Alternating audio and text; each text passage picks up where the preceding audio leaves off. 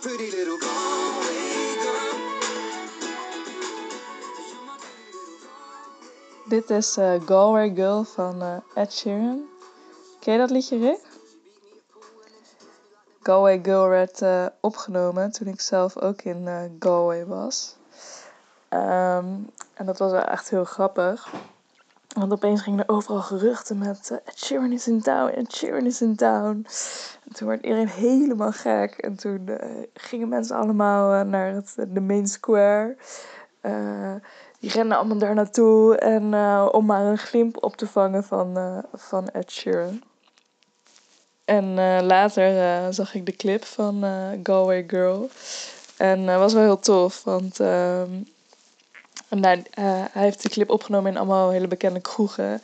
En een van die eh, kroegen, daar kwam ik vaak, want dat was bij mij eh, om de hoek. O'Connors. En eh, daar ben jij ook nog geweest, Rick.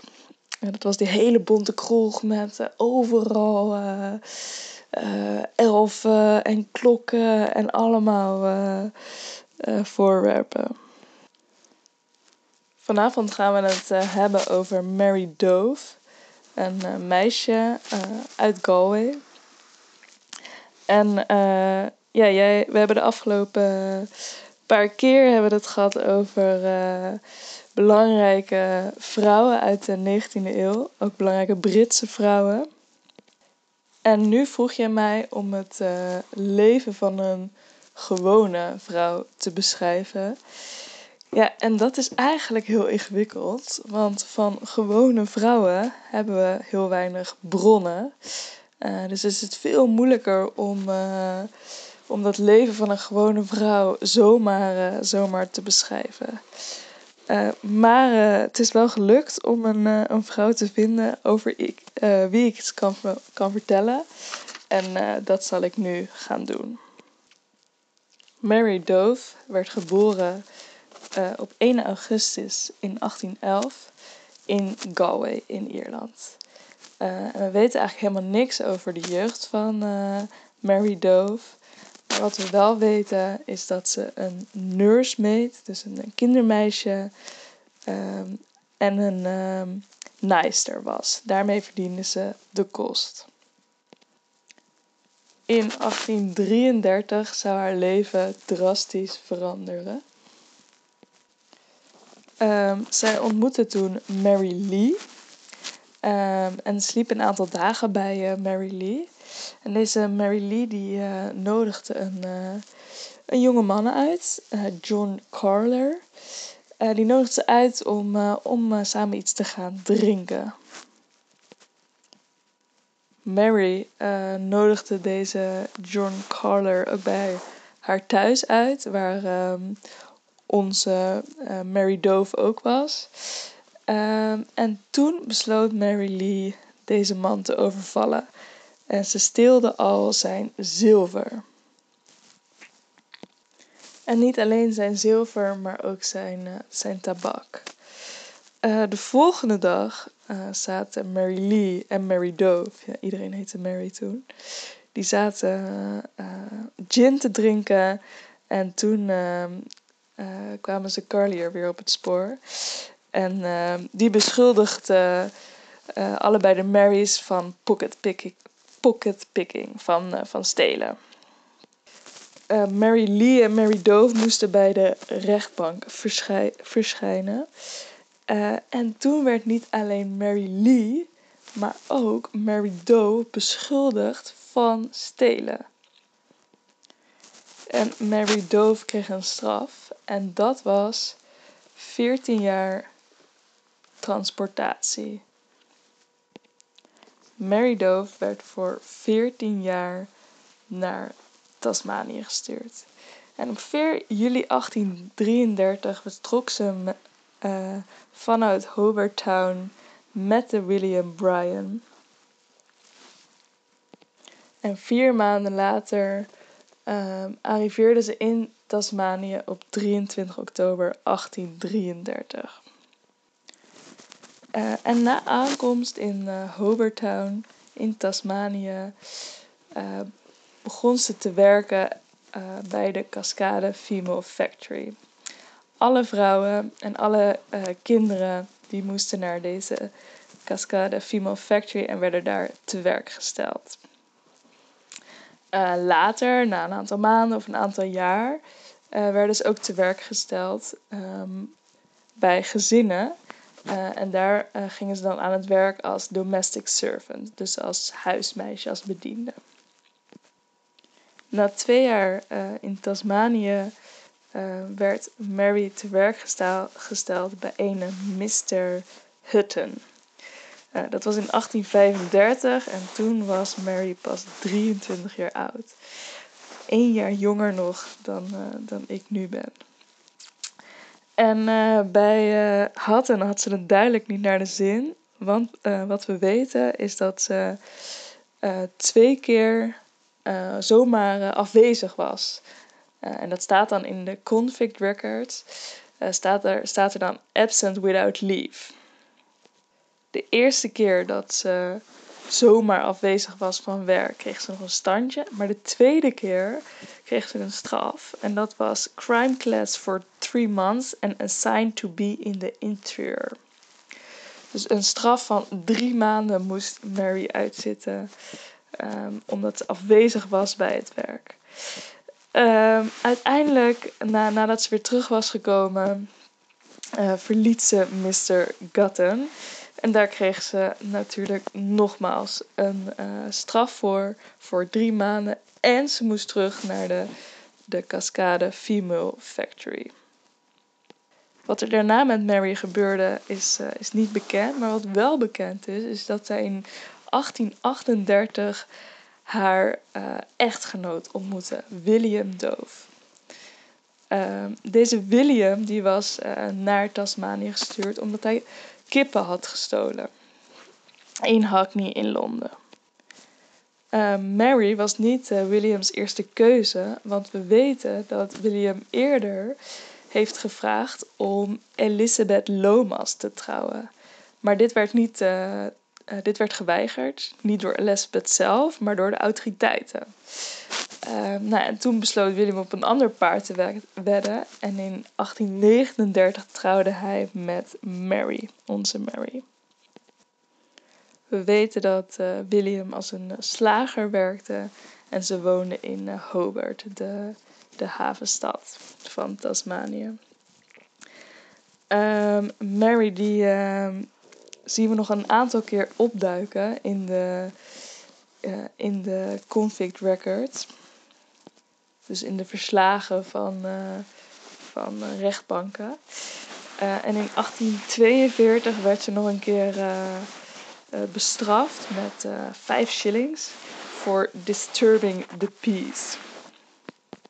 Verder weten we niet uh, veel over het leven van Mary. Wel dat ze drie kinderen kreeg: Maria, William en Samuel.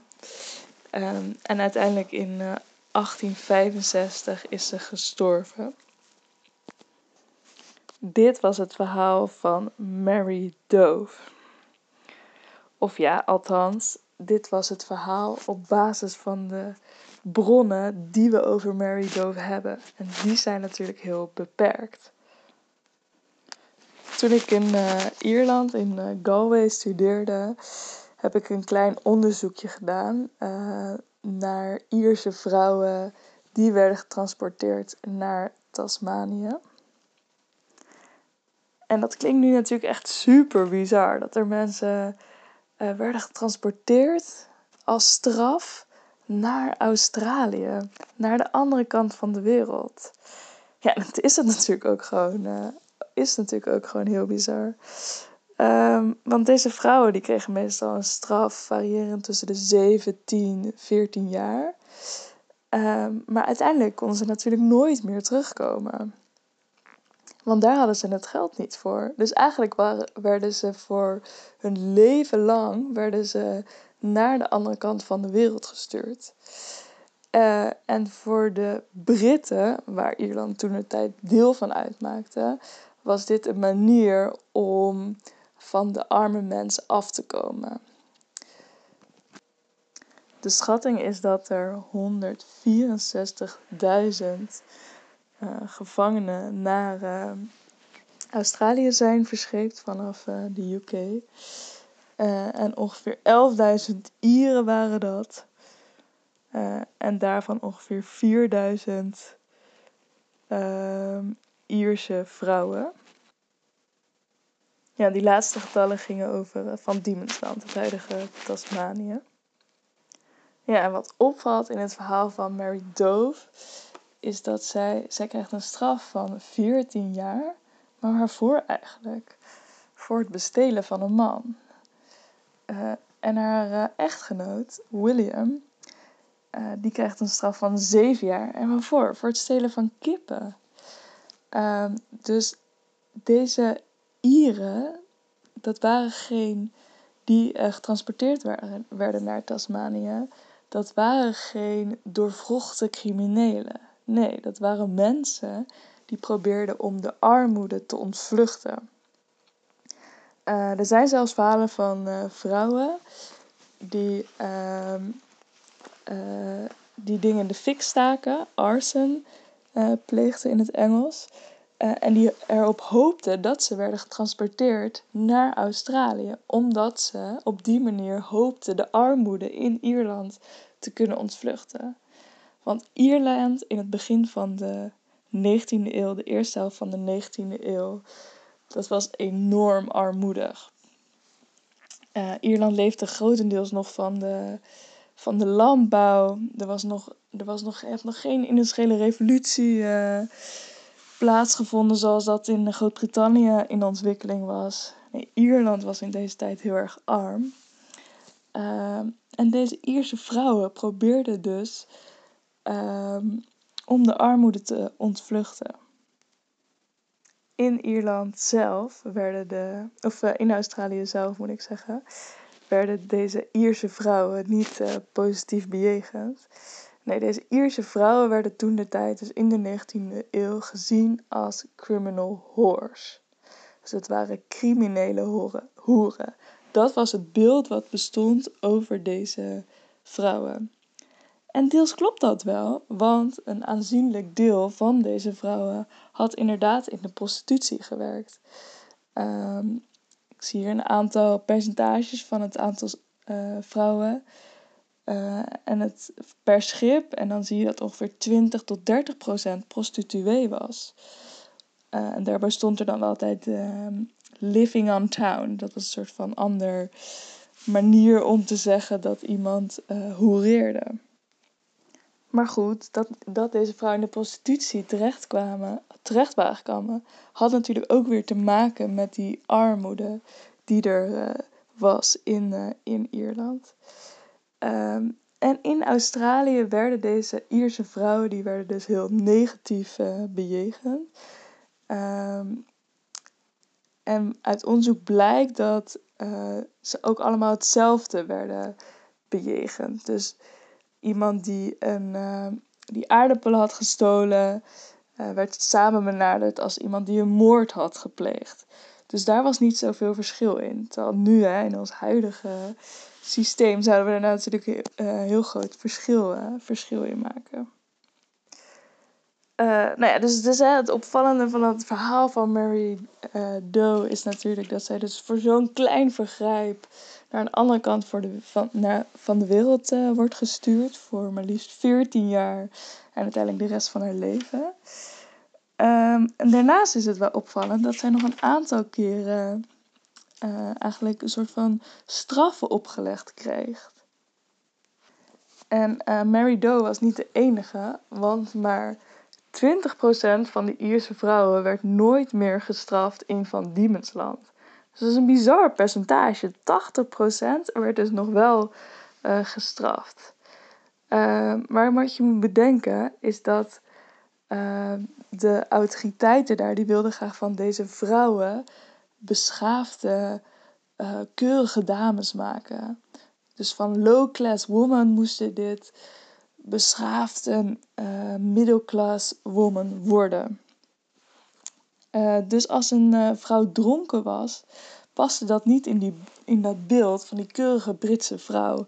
Dus werd een vrouw dan gestraft. Maar bijvoorbeeld ook als je niet naar de mis ging, werd je gestraft. Of als je er eh, niet goed uitzag. Poor clothing noemden ze dat. En natuurlijk ook eh, als je met een, eh, zomaar met een man sliep zonder dat je daarmee getrouwd was. Being in bed with a man stond er dan in, het, in, in de record. Dus die vrouwen werden erg snel gestraft. Voor al hele kleine vergrijpen kregen ze al een straf. Ehm, en wat daarnaast natuurlijk ook het geval was, die vrouwen moesten 14 jaar lang moesten ze werken en daar kregen ze niet betaald voor. Ehm, dus, dus mensen, dat systeem is toen ook heel erg bekritiseerd. Want eigenlijk eh, was het een soort eh, slavernij, zou je, zou je kunnen zeggen. Eh, later is ook wel een ander systeem gekomen vanaf eh, 1843. In het nieuwe systeem kregen de vrouwen wel een salaris voor het werk wat ze deden.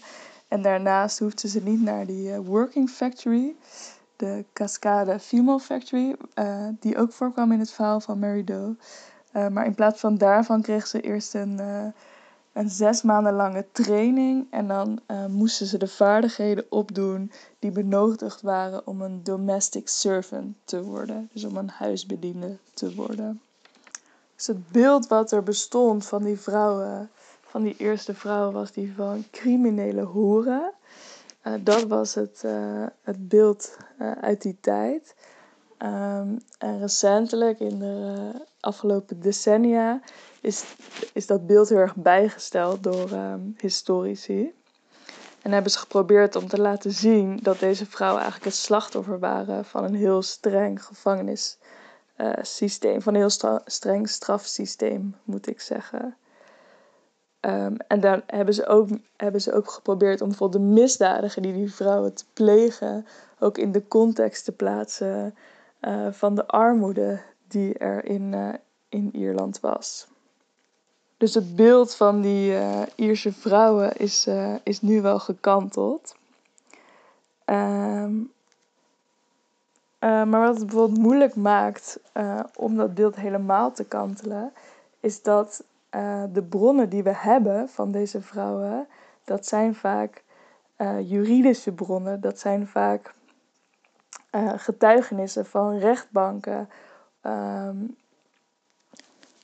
dus de enige bronnen die we dan over deze vrouwen hebben, die zijn eigenlijk negatief. Want daarin, die laten weer zien dat die vrouwen eigenlijk criminelen waren. Want ze kwamen weer in aanraking met autoriteiten.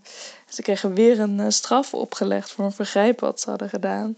Dus dat maakt het ook weer heel moeilijk eh, om eh, dat beeld te kantelen. En daarom is het ook niet gek dat, ehm, dat eerst dat beeld van die criminele hoeren bestond. Ja, dus wat je dan als historicus moet doen, is proberen om tussen de regels door te lezen en ook eh, in te zien eh, dat die bronnen dus maar een beperkt beeld geven van, eh, van een leven. Nou ja, en dat zien we natuurlijk ook aan het leven van Mary Dove. We weten eigenlijk helemaal niet veel, veel van haar. We weten alleen eh, dat ze getrouwd is en kinderen heeft gekregen. En daarnaast kennen we alleen maar alle straffen die ze ooit heeft gekregen. Dus dat is natuurlijk wel, wel heel vreemd. In het laatste decennium eh, zijn er steeds meer verhalen van eh, deze vrouwen opgeschreven. En je hebt ook een eh, organisatie, de Female Convict Research Center. Ehm, en dat is een organisatie die dus probeert om alle verhalen van, van deze vrouwen te, te verzamelen. En ja, ik vind dat wel heel grappig dat er daar dus een hele organisatie voor bestaat om dit, om dit allemaal te verzamelen. Maar eigenlijk is dat ook weer niet zo gek als je bedenkt eh, dat 22% van de Australiërs afkomstig is van ehm, deze getransporteerde gevangenen. Dus dan is het ook weer niet zo gek dat er zoveel interesse is in eh, deze female convicts. Ik heb eh, destijds in Ierland heb ik een boot onderzocht. Dus alle vrouwen die op een, eh, op een bepaalde boot zaten. En heb ik geprobeerd om eh, helemaal uit te vogelen wat er van die vrouwen terecht eh, is gekomen. Nou, dat was heel moeilijk toen. Maar dan moest je ook weer zo'n ingewikkeld handschrift lezen. En, en er was gewoon heel weinig informatie. Maar toen heb ik me dus ook ingeschreven bij die Female Convict Research Center. En eh, ik krijg eh, nog iets van de drie of vier keer per jaar krijg ik dan zo'n uitnodiging om eh, in Australië een, een conferentie bij te wonen. Dat vind ik altijd wel heel grappig. Ehm, maar ja, ik ben, ik ben helaas nog niet gegaan, ook al interesseert het onderwerp me zeer. Maar ja, Australië is toch wel, is toch wel iets te ver weg. Nou, dit was het einde van, van deze podcast over een gewone vrouw eh, uit de 19e eeuw. En dat was Mary Dove, die eh, naar Australië werd getransporteerd. Omdat ze mogelijk iemand bestolen had. Eh, we sluiten af met een, eh, met een mooi eh, Iers liedje, een heel bekend Iers liedje. En dat is Whiskey in the Jar bij de Dubliners.